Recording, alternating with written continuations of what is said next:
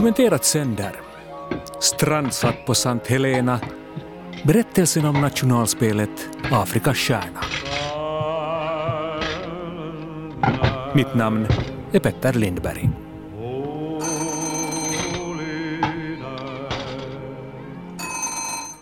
Hallå? Onko uh, Kari Mannerla uh, se Afrikan tähden keksiä puhelimessa?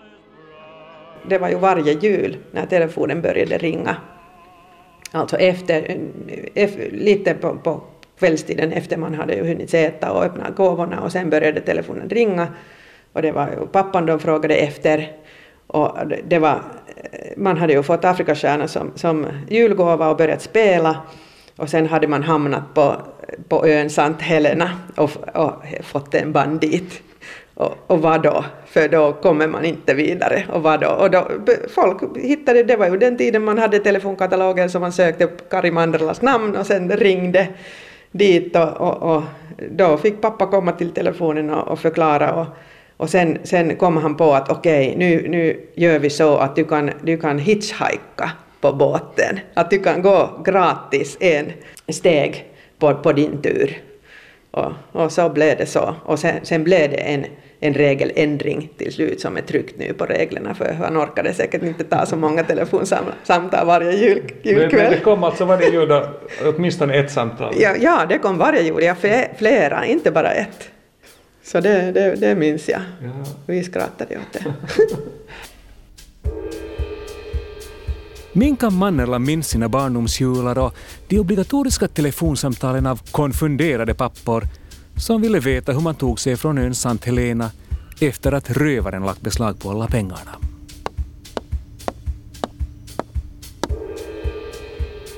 Det finns väl inget annat finländskt brädspel som är så populärt och älskat som Kari Mannelas Afrikas stjärna.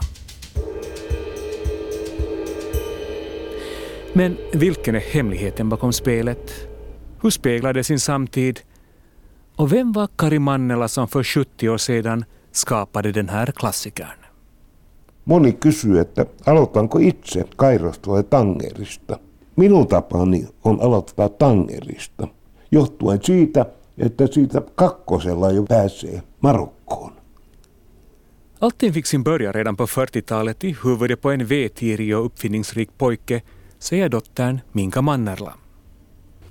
Det som var inte vanligt så han var ju så, så kreativ så att han sysslade med, med olika saker hela tiden.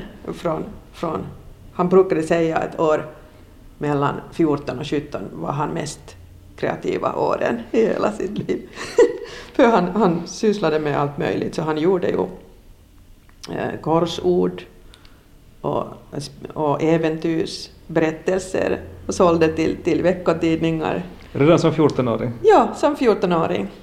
Han hade till och med en, en karisätter vasta. En, alltså en, en, alltså spalt? Man, ja, en spalt där man kunde skicka in olika frågor. Och karisätter och han var, då han var 14 eller 15 eller 16 någonting sånt. Och hans pappa väl tyckte det var inte kanske helt okej okay med allt det där.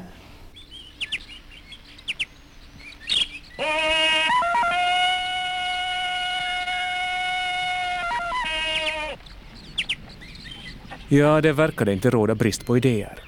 Korsord, pyssel och egenhändigt konstruerade leksaker som kunde säljas per postorder ingick i den unge Karimannernas sortiment. Men också berättelser och spel inspirerade av den tidens äventyrsfilmer och böcker. Tänk på 40-talet, 40 Finland hade just haft ett krig och det var kanske just då där kulturen började på, på sånt sätt blomstra och livet blev kanske mer normal efter kriget. Så, och så var det ju mycket säkert på, på om du tänk, tänker en pojke på, på 15 år på 40-talet så var det ju säkert Tarzan-filmer och äventyr och allt det där kanske gå bort från den, den gråa vardagen. Och sen har jag, sen, på senare år så har jag skri, han, han har skrivit upp allt som, som hände sen så det var också ganska roligt för här får man läsa absolut allting. Han har ju hela arkiven kvar hur många, hur många exemplar såldes spel och här är ju ett prislista från 46. Ihmer Rasia Det var olika, för det fanns säkert inte så mycket heller. Det var ju gjort av pappa. Och det här, det här sålde han då, var det per postorder? Per post, post, Ja. postorder. Så han var, och den här Jokapojan sähköauto som han själv designade Just det. Och, by, och byggde. och byggde. Och han, han, han säger också att han skriver också att han, han hade många skolkompisar som arbetade för honom. Så han var ju en förrättningsman redan då. Ja, ja, okej, så liksom en, en innovatör och businessman. Ja. Kaikki meni hyvin siihen asti, kunnes kuulin, että eräs postibussi oli syttynyt palaamaan. Rakettipaketti oli joutunut lämmityslaitteen päälle. Aikana tulivat etsivät kotiin ja sain syytteen raastupaan räjähdysaineiden luvattomasta myynnistä ja varastoinnista keskikaupungilla sekä tulipalon aiheuttamisesta. Kari Mannela berättar själv i en dokumentär från år 2012 hur affärsverksamheten fick sig en törn när en av hans hemtillverkade smällare antände en postbuss.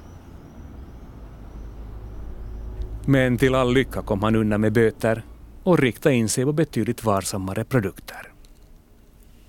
Brädspel var säkert någonting som man, som man använde kanske mycket då. För det var ju mycket, om man tittar på, på museen så finns det mycket sådana som är, som är till exempel kring kriget just. Så där ser man mycket sådana spel. Och sen blev det det här äventyrsvärdet. Så han skriver här Peliman i vårdet som var 44 till 50. Och så var det en del, en del andra spel som, som blev, blev ut och som blev men de här spelen då, Totalisator i Ravit, det, Ja. det är alltså sånt som han då också själv har. Uh, ja, han har ju... Så före äh, Afrikastjärnan Ja. så, så fanns det redan en hel del spel som Ja. han hade som han konstruerade och som han då Som han sålde. Ja. Och sen, ja, så det finns totalisator i Ravitsos, hallonhakkuu-peli och Inkas skatt, Inkan are. Och så var det Havets skräck och Ta fast gangsterna. Okej. Men, men de här är ju på något sätt helt, eh, ja, eller mer eller mindre bortglömda. Ja, det, för, för han sålde dem som engångsavtal. Alltså han sålde bort och det är någon förlag som har sen ritat och sen, sen har de bara blivit såna. Och den sista var ju Afrikas stjärna sen. Året var 1951. Surut eivät mieltä paina, lauleskelen vain. Efter kriget kunde man andas ut och se på framtiden med större tillförsikt. Inte heller omvärlden tedde sig längre lika onåbar.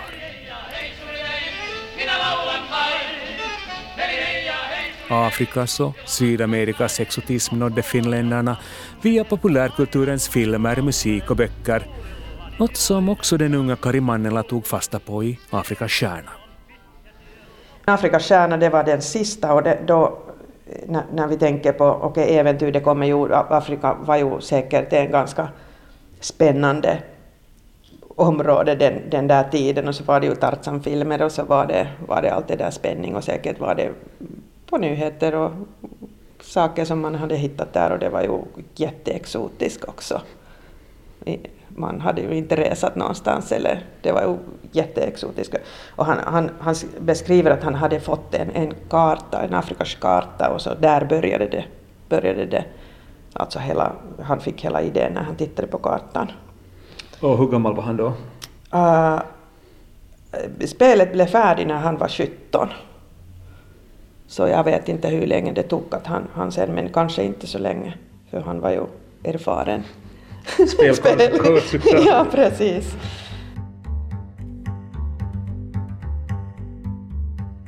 Jag har försökt spåra just att vad är det här för ett spel som det handlar om. Hade, hade tryckts så då fick jag bevis på att det, det existerar liksom i alla fall i en, en variant. Okej, men det som du har alltså på väggen är den, det är den, fin, den finska original? Men jag vet inte riktigt hur det har gått till med det där för att Alga har ju liksom just tryckt eh, det här Afrikas stjärna. Så, Ja. så, så de har ju haft... Det råder lite delade meningar om kartans ursprung. Men visst föreställer den Afrikas stjärna och visst är det något som en historiker som undervisar i bredspelens kulturhistoria bör ha på väggen i sitt arbetsrum. Här har min bror tror jag någonstans. Jag har försökt få honom att hitta det. Ah, ja, okej. I Derek Fusters arbetsrum finns också lådvis med bredspel som vittnar om hans särintresse. Och bland dem hittar man naturligtvis också Afrikas stjärna. Det är något väldigt främmande för Finland på den här tiden. Det är väldigt få som har varit där, så det är, det är en okänd världsdel i mycket.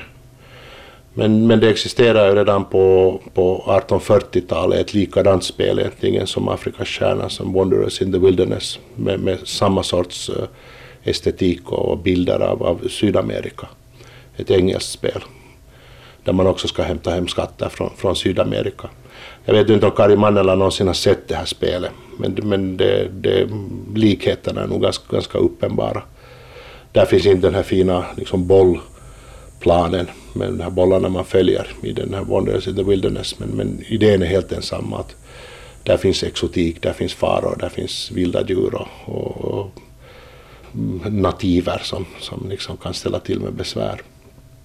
Så att på det sättet så är Afrikas stjärna en, en produkt i en, en, en kedja med, med spel som har liksom mer än hundra år på sig. Precis som forskaren Derek Fuster säger så har Afrikas stjärna en historia och en tradition som den bygger vidare på. Men det som förenar många spel, i synnerhet efter andra världskriget, är den lättsamhet och andliga eskapism som de utlovar. No, mera, mera är det nog liksom en verklighetsflykt, att, att där finns den här eskapismen i det, att man gör någonting annat än, än, än funderar på, på de sista krigsskadestånden och mm, ens alkoholiserade mm, fader eller, eller någonting sånt här till de här, de här situationerna, eller alla de som har stupat, som då är liksom i, mycket nära minne ännu. Att mm, just kunna slappna av med, med det här spelet har väl nog varit den här grundidén, att varför det också blev populärt från början. Att det, det är väldigt bort, långt borta från det finska. Från, från det mm, armod och, och liksom de här eh, inköpskorten som, som ännu var i bruk då.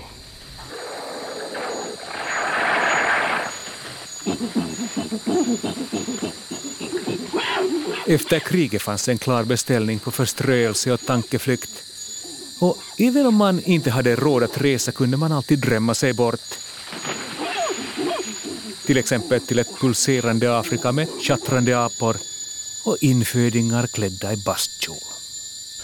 Uh, eh, nu är det lite det här 40-talets uh, eh, upplysningsidéer om att man skulle lära sig de här djuren och, och att det, det hör till liksom en sån här zoologiskt intresse vid sidan om sen, sen hela det här exotiska önskan att se någonting som är väldigt främmande, att liksom uppleva det på ett spelbräde.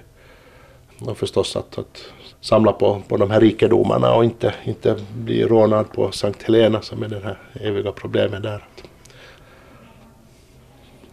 Det är, en, det är en tidsbild, att den, den motsvarar nog estetiskt till exempel sådana skolplanscher från samma tid. Att det, det finns helt liknande i, i Europa över hur, hur porträtteras Afrika på, på liksom 30, 40, 50-talet ännu.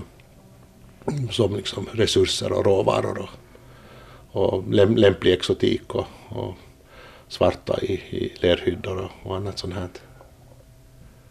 Så, så ett äh, ja, exotiskt, avlägset och lite farligt?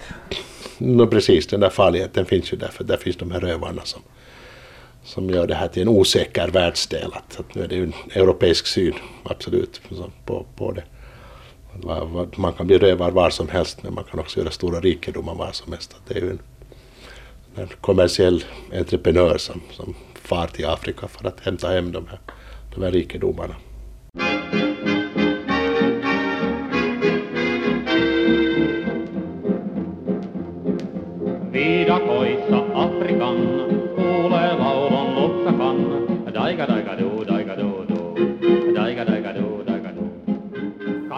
Kombinationen av äventyr, exotism och lekfullhet var lyckad och enligt dottern Minka Mannela anade hennes pappa att han med det här bredspelet bokstavligen satt på en skatt. Sen visste han säkert att okej, okay, nu blev det någonting som var verkligen bra. Han var ju erfaren. Och sen råkade han göra ett, ett avtal som var på, på royalty. Och därför har det nu varit sen som ett familjearv till, till, till oss, för, för det var den första som han hållde till sig själva. Så han var kanske lite förutseende i varje fall, att, att, att insåg att det här är ett spel som han kanske inte ger ifrån sig eh, sådär som en engångsersättning? Ja, kanske. Ja, säkert det. För, för då, då var det... Och han gick också till ett större förlag. För han tänkte att okej, okay, nu, ska, nu ska han cash out. och sen, sen var det prat om att de ska trycka 10 000 exemplar, det var ju första utgåvan. Det gjordes och fick han ett royaltyavtal på det. Men sen så småningom var det slu, slut uh, sålt. Så de gjorde ett nytt uppgav och sen fick jag han lite bättre till. Och sen, sen till. Och så, så var det ju 10 000 exemplarer som den såldes och den bara fortsatte och fortsatte och fortsatte. För det var ju 51 den kom ut. Och sen den säljs fortfarande. Säljskurvan är ganska jämn och det är helt otroligt. Ja, det är ganska märkligt man tänker att, att spelet utkommer första gången 1951 ja. och, och det finns liksom en, eh, en marknad som, som aldrig sinar. Ja, precis. Ja, precis. Och det, det kan man bara beundra hur, hur det har blivit så där bra. Men, men när den har blivit klassiker så har, har den ju hittat sin värld på något helt annat sätt. Och förstås är det ju också att spelet funkar, att den, den är rolig och den är, den är spännande. Jag minns också fortfarande första gången jag spelade ja. Afrikas stjärna, ja. det är ganska länge sedan, men, men, men jag kommer ihåg hur, hur man då tryckte ut de där spelbrickorna och, och sen började man att spela och ja. hur otroligt spännande det var. Ja, ja, och när man ser de där bilderna fortfarande nu när man tittar på stjärnan eller på, mm. på banditerna så får man en viss känsla. eller hur? Mm. Så minns man kanske de där tiderna när man var barn och hur spännande allt var.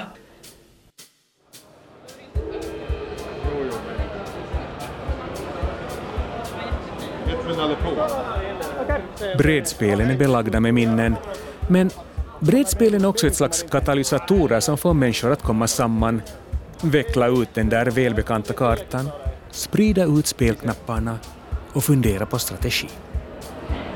Lite bättre, men inte bra. Det säger Jimmy Wilhelmsson, som tillsammans med Orvar Sävström och Ika Johannesson skrivit en historik över det klassiska svenska bredspelsföretaget Alga.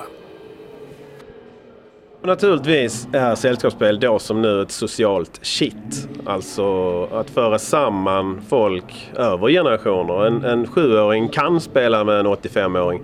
Det är väldigt få saker som vi kan göra. Vi kan inte spela badminton med varandra och vi kan inte spela fotboll en 9-åring mot en 90-åring eller så. Men, men, spel kan vi alltid sätta oss ner med. Speciellt om det är den typen av spel som till exempel Tjuv och polis som nu är inne på sitt 75 år. Oavbrutet eh, släppt eh, under 75 år. Jag är säker på att eh, Den försvunna diamanten har en liknande historia, till exempel då i Finland. Det måste vara oavbrutet utgivet eh, under väldigt lång tid. Så alla känner till det. Det är bara att sätta sig ner och spela. Ingen behöver läsa reglerna utan det här, det här funkar som den här sociala sammanhållningen under en timme eller en halvtimme eller vad det nu handlar om. Och det ska man ju ha klart för sig att under, under den tiden, alltså nästan hundra år som det här handlar om, så har vi ju tappat många av de sammanhållande saker som var självklara tidigare i, i, i vårt samhälle. Men som, som kyrkan till exempel. Eller televisionen, att alla hade sett samma tv-program. Kom man till skolgården dagen efter så hade alla sett V eller Bröderna Cartwright. Men sällskapsspelen som har getts ut i så många år är någonting som skapar en gemensam referensram och som vi, vi ändå kan förhålla oss till. Och, och sen är man född på 70-talet, ja då är, det, då är det det omslaget på 20 polis som gäller. Eller är man eh, född på 60-talet, då är det den kartan på försvunna diamanten och så vidare. Men, men, men det finns väldigt många beröringspunkter där vi kan hitta fram till varandra. Mm. Inristat i det nationella DNA? Tveklöst. Alga hade ju, och har fortfarande väl, har de sloganen fortfarande? Alla spelar Alga? Ja, nej, det har de nog inte. Nej. tror jag inte. Nej, men men det, försv det försvunna diamanten är ju tveklöst en, mm. en finländsk nationalklenod. Ja, det, det, det, ser man ju när man kommer till en finländsk familj. Liksom. Det, det, är klart att det finns ett African Tatty-spel i, i, i hyllan.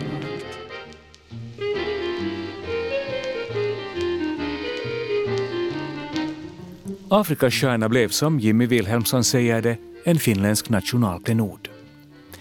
Men eh, rätt fort vandrade spelet också över till Sverige, återfick det ursprungliga namnet Den försvunna diamanten och blev om möjligt lika högt älskad även där. Samtidigt tog spelkonstruktören Kari Mannele sina första steg inom reklambranschen och verkade inte särskilt intresserad av spelets framgångar i Skandinavien. Samtidigt när Afrikastjärna kom, han var 17 år gammal, så gick han till sitt första sommarjobb och han gick till reklambyrå SEC då. Och, och då tog arbetslivet med, med honom. För där, där blev han sen och han, han jobbade där från sommar. Han började som sommarhjälp och sen avslutade han som styrelses ordförare när han var 55 år gammal. Så, så då var det slut med, med spel uppfinnande. Men, men samtidigt så, så sålde spelet jämt under hela hans så att säga, yrkesliv också. Menar, ja. Men ja, det kanske ja. levde sitt eget liv. Ja, det levde sitt eget liv. Han hade ju royaltyavtal. Han hade no några gånger han må måste tänka på, på sina rättigheter, men, men annars så gick det ju bra. Så, så den gick, och den gick till Sverige. På 60-talet gick den till Sverige, Norge och Danmark och där finns den fortfarande. Och det gick bra. Det gick bara... Det var inte mycket prat om det. Det kom på, på godo kan man säga. För då hade han ett helt annat yrke och en annan karriär sen i reklambyrå. Men också utan Kari Mannelas inblandning fortsatte spelet sitt segertåg, inte minst i Norden, säger Orvar Säfström just Den försvunna diamanten eller då Afrikans stjärna är ju eh, ett spel där upplägg och, och mekanik också har levt vidare och blivit klassiskt. Det är flera spel i vår bok som har ett, ett snarlikt upplägg. Eh, eh, Tove Janssons Muminspel, eh, Trasan och Bananens Speltime och så vidare. Där man väldigt tydligt kan säga att ja, men det här är i grund och botten den försvunna diamanten. Eh, så jag, jag, tror att det handlar inte bara om artwork och känslan. Om du tittar på 90-talet i Sverige så såg Den försvunna diamanten fullständigt annorlunda ut med en sorts enkla barnteckningar och inget av den här mystiken och spänningen. Men det sålde ändå därför att hela upplägget, hela spelet och namnet är så inristat i, i svensk spelhistoria. Sen har det ju inte varit utan kritik. Det finns mycket kritik idag mot Den försvunna diamanten och eh, det handlar inte bara om stereotyper utan det handlar även om att man som eh, vit eh, upptäckare åker till Afrika och hittar en diamant som man sen tar hem. Eh, och det tror jag att Karim Manola visste redan eh, under sin livstid. För han har gjort fler spel, bland annat ett spel som heter eh, Inkaskatten. Eh, och där gör du ju precis tvärtom. Där letar du eh, Inka-guld, men istället för att ta hem det så för du det till Machu Picchu. Det är liksom så du vinner och det har ingen betydelse för själva spelet, men det har betydelse för bilden av det jag försöker eh, presentera här. Alga släppte en ny version eh, av Den försvunna diamanten där man plockar bort element som man tycker inte passar eh, år 2017. Det var ett par år sedan. Och det, det, det är väl ett okej okay sätt att, att väcka en gammal klassiker till liv och ändå visa att okej, okay, vi förstår, vi tonar ner de element som, som kanske inte är moderna.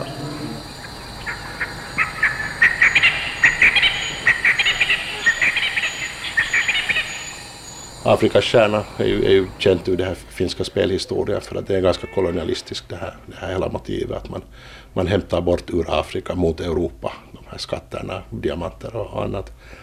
Att, eh, det är nog ganska självklart att, att det, det finns inga möjligheter att egentligen komma undan sånt här om man ska om man ska skapa ett spel på 50-talet så, och det ska lyckas, det har ju sålt i miljoner exemplar, det är ju Finlands mest sålda spel så gör man ett spel på 50-talets villkor och, sen måste eftervärlden sen fundera på att, att vad är det för värderingar som där egentligen fanns i det. Att, som ett spel så fungerar det fortfarande den dag som är men det är lite samma diskussion som, som eh, med, no, Pippi Långstrump. Att, eh, de, de ordval och, och, idéer som finns där, att vad ska man göra med dem, liksom det som Astrid Lindgren menar skrevs för en annan värld än den som vi lever i idag. Och delar ju väldigt mycket värderingar, delar inte bara liksom ras och, och, och kolonifrågor.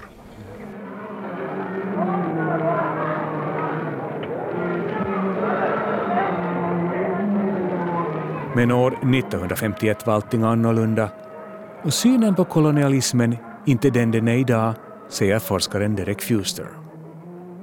Hur ska man förhålla sig till till forna kulturer som ändå är väldigt främmande för oss. Och, eh, I alla fall främmande för våra, våra liksom moderna värderingar. Att, ska, ska man börja, börja censurera det? Att nu, nu har det ju skett många, liksom Richard Scarrys barnböcker har ju censurerats. Att man har tagit bort björnar som le, leker eh, liksom, amerikanska indianer och, och annat. Att, att är, det, är, det, är det rätt eller, inte? Att jag, jag, som en historiker så forskar jag mera i, i det än försöker ta ställning i det. Att det, det, det är intressant förstås för professionellt att, att se vad som händer. Att när sådana här moralvärderingar börjar, börjar att censurera saker och, och, och påverka det. Inte ser jag det som liksom en självklarhet att det ska ske nödvändigtvis. Att bara man är medveten om det och det är man ju för att vi har ju moderna värderingar idag. Mm. Vi, vi, vet när vi, när, vi, när vi spelar Afrikas stjärna att det här är ett ganska moraliskt dubiöst spel liksom till sin den här metastruktur men, men som en, en samling regler och, och, och vackra bilder så är det, det är någonting helt annat. Ja, och, och, en produkt av sin, sin tid, jag menar, avspelar också den aningslöshet så, som, som kanske var rådande på den tiden. Ja, ja alltså det, inte, inte, kanske det är på ett sätt en, en aningslöshet, men det är liksom en självklarhet att på 60-talet rökte alla. Och, och nu för tiden så får man inte visa det i filmer mera. Liksom, det, det, det sker ständigt en sån här kulturell censur av vad som, vad som är möjligt att ha i, i populärkultur också. Och det, det, det hör nu till den mänskliga läggningen att man, man, man vill värdera liksom också det förflutna utgående från sina egna, egna linjer.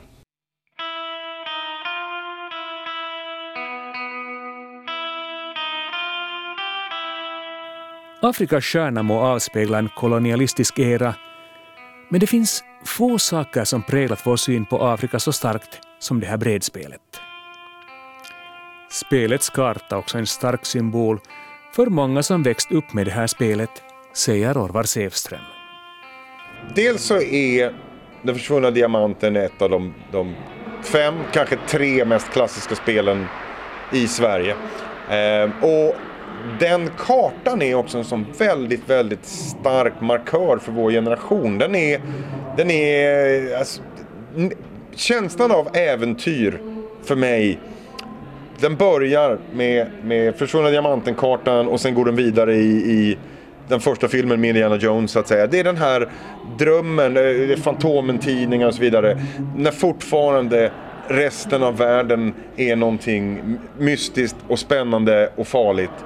Och jag tror att, att eh, den är en väldigt bra indikation på, på nostalgin också. Så just den här vi, vi, vi var i en annan ålder men också världen var betydligt större på den tiden. Det var väldigt, väldigt långt bort Afrika. Och så var det ju för Kari Mannerla också när han gjorde det. Han var ju väldigt ung och hade aldrig varit i Afrika. Det är ju tveksamt om han hade varit utanför Finland utan han eh, ser ju en engelskspråkig karta av Afrika och tycker att den är så fin att han får idén att göra det här spelet. Det är ju så det funkar.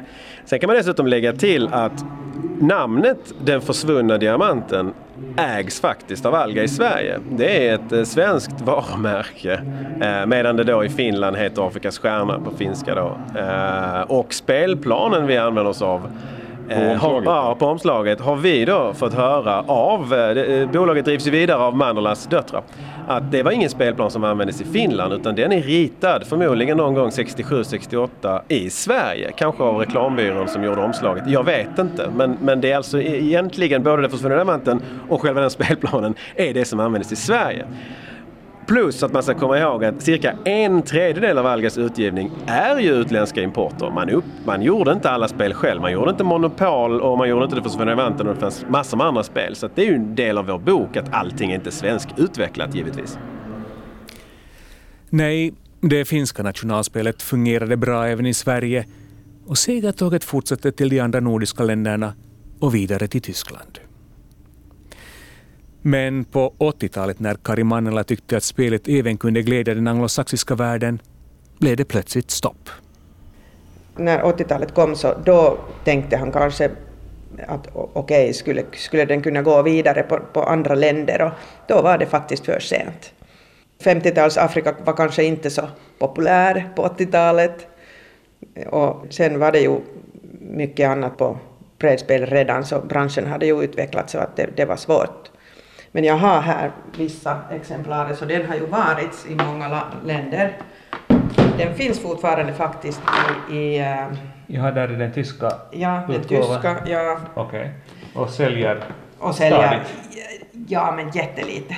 Okej. Okay. Men här, ja, det var det jag pratade om, alltså här ser du ett 80-talsversion som är helt annorlunda. Det, man kan tänka sig att det är lite anspelat på Indiana Jones. Och... Precis, och då den här, alltså den, det var ju helt annat. Att man, man, det gick inte. Alltså det blev ingen succé. Nej. Men, men å andra sidan kan man ju, kunde man ju tänka sig att just den så att säga äventyrsboomen med, med Indiana Jones och äventyrsfilmer, att de hade på något sätt liksom i kölvattnet av, av dem ja, kanske. Jo, jo, gjort succé men Ja, kanske, men då är det ju brädspel också, för brädspel kanske har just någonting att det ska vara klassiskt, det ska vara på något sätt nostalgiskt. Mm. Visst är det ju ny, nya som kommer, men de lever inte så länge.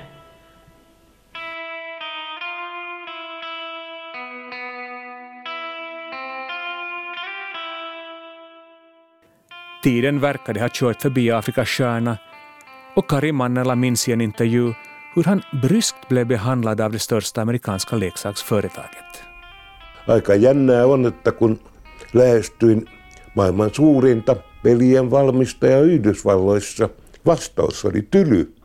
50-luvun Afrikka ei ole millään tavalla kiinnostava. Peli pitäisi siirtää vaikka Lähi-Itään. Joo, minä hiukan tuottuneena sanoin, että viekää sitten Tartsankin Lähi-Itään.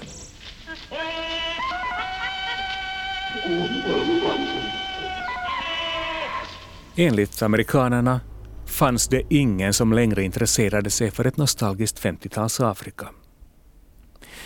Kunde man inte förflytta hela spelet till Mellanöstern, föreslog de, varpå Karimannela småsurt svarade att de i så fall också fick lov att flytta Tarzan dit. Amerikanernas njugga inställning och spelets kolonialistiska barlast har ännu inte lyckats rubba Afrikas stjärnas position som nationalklenod och klassiker. Afrikas stjärna är som forskaren Derek Fuster säger en av byggstenarna i vårt kulturarv.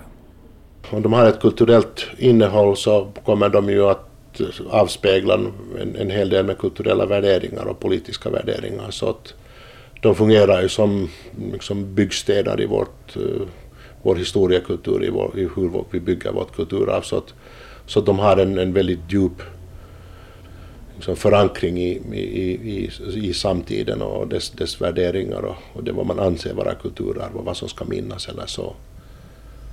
Nu kan det hända att Afrikas stjärna också lever vidare bara därför att man den har gjort det så kraftigt tidigare att den har blivit en, en, liksom en slags kulturdogma att det här skall man spela, antingen man tycker om det eller inte så ska man liksom ha det.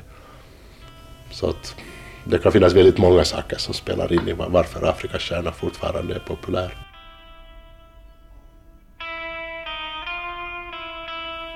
Också trygghet och nostalgi är faktorer som bär Afrikas stjärna vidare, liksom berättelsen om den där tonårspojken som i början av 50-talet fick en briljant idé. Reklammannen Kari Mannela som dog år 2006 hade varit glad över den där succéberättelsen som spelet förknippas med och förmodligen också över det traditionella sättet som spelet fortfarande tillverkas på.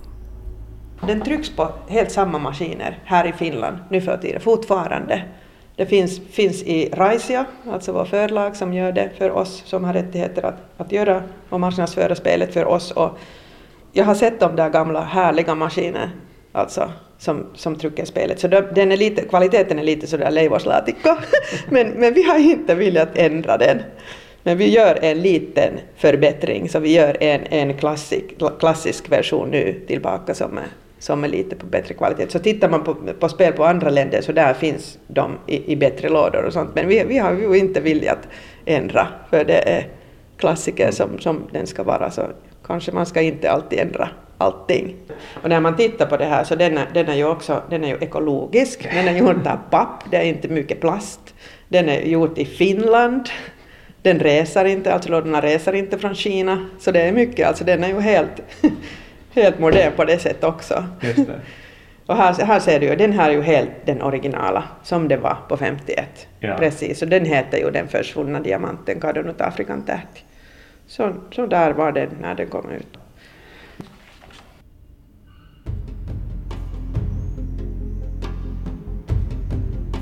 Afrikas stjärna är utan tvivel en klassiker. Men vad trodde Karimanella själv låg bakom spelets framgång? Ja, kanske det är spännande. Och varje spel varierar, det, det är inte samma. Utan det, det finns så många variationer där och, och rövare och allt möjligt. Och sen jag tror att det, det viktigaste saken att det går så bra här i Finland är, det, är det att, att föräldrarna har spelat det när de var barn.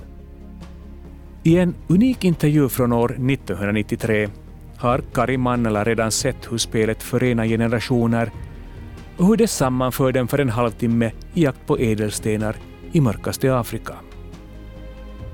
Det är spänning och tradition som ligger bakom spelets framgång. Men eh, en fråga återstår att besvara. Hur var det egentligen?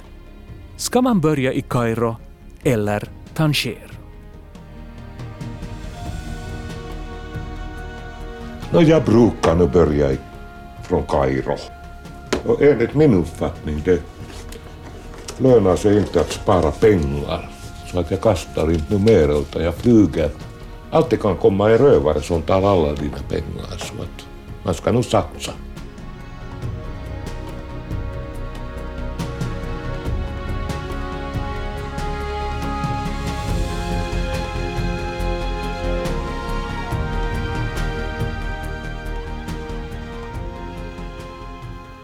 Du har hört programmet Strandsatt på Sankt Helena, berättelsen om nationalspelet Afrikas stjärna.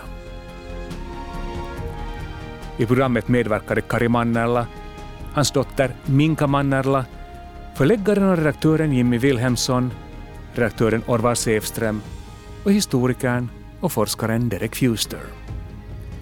För ljuddesign och klipp stod Jyrki Häyrinen. Producent var Staffan von Martens och mitt namn är Petter Lindberg.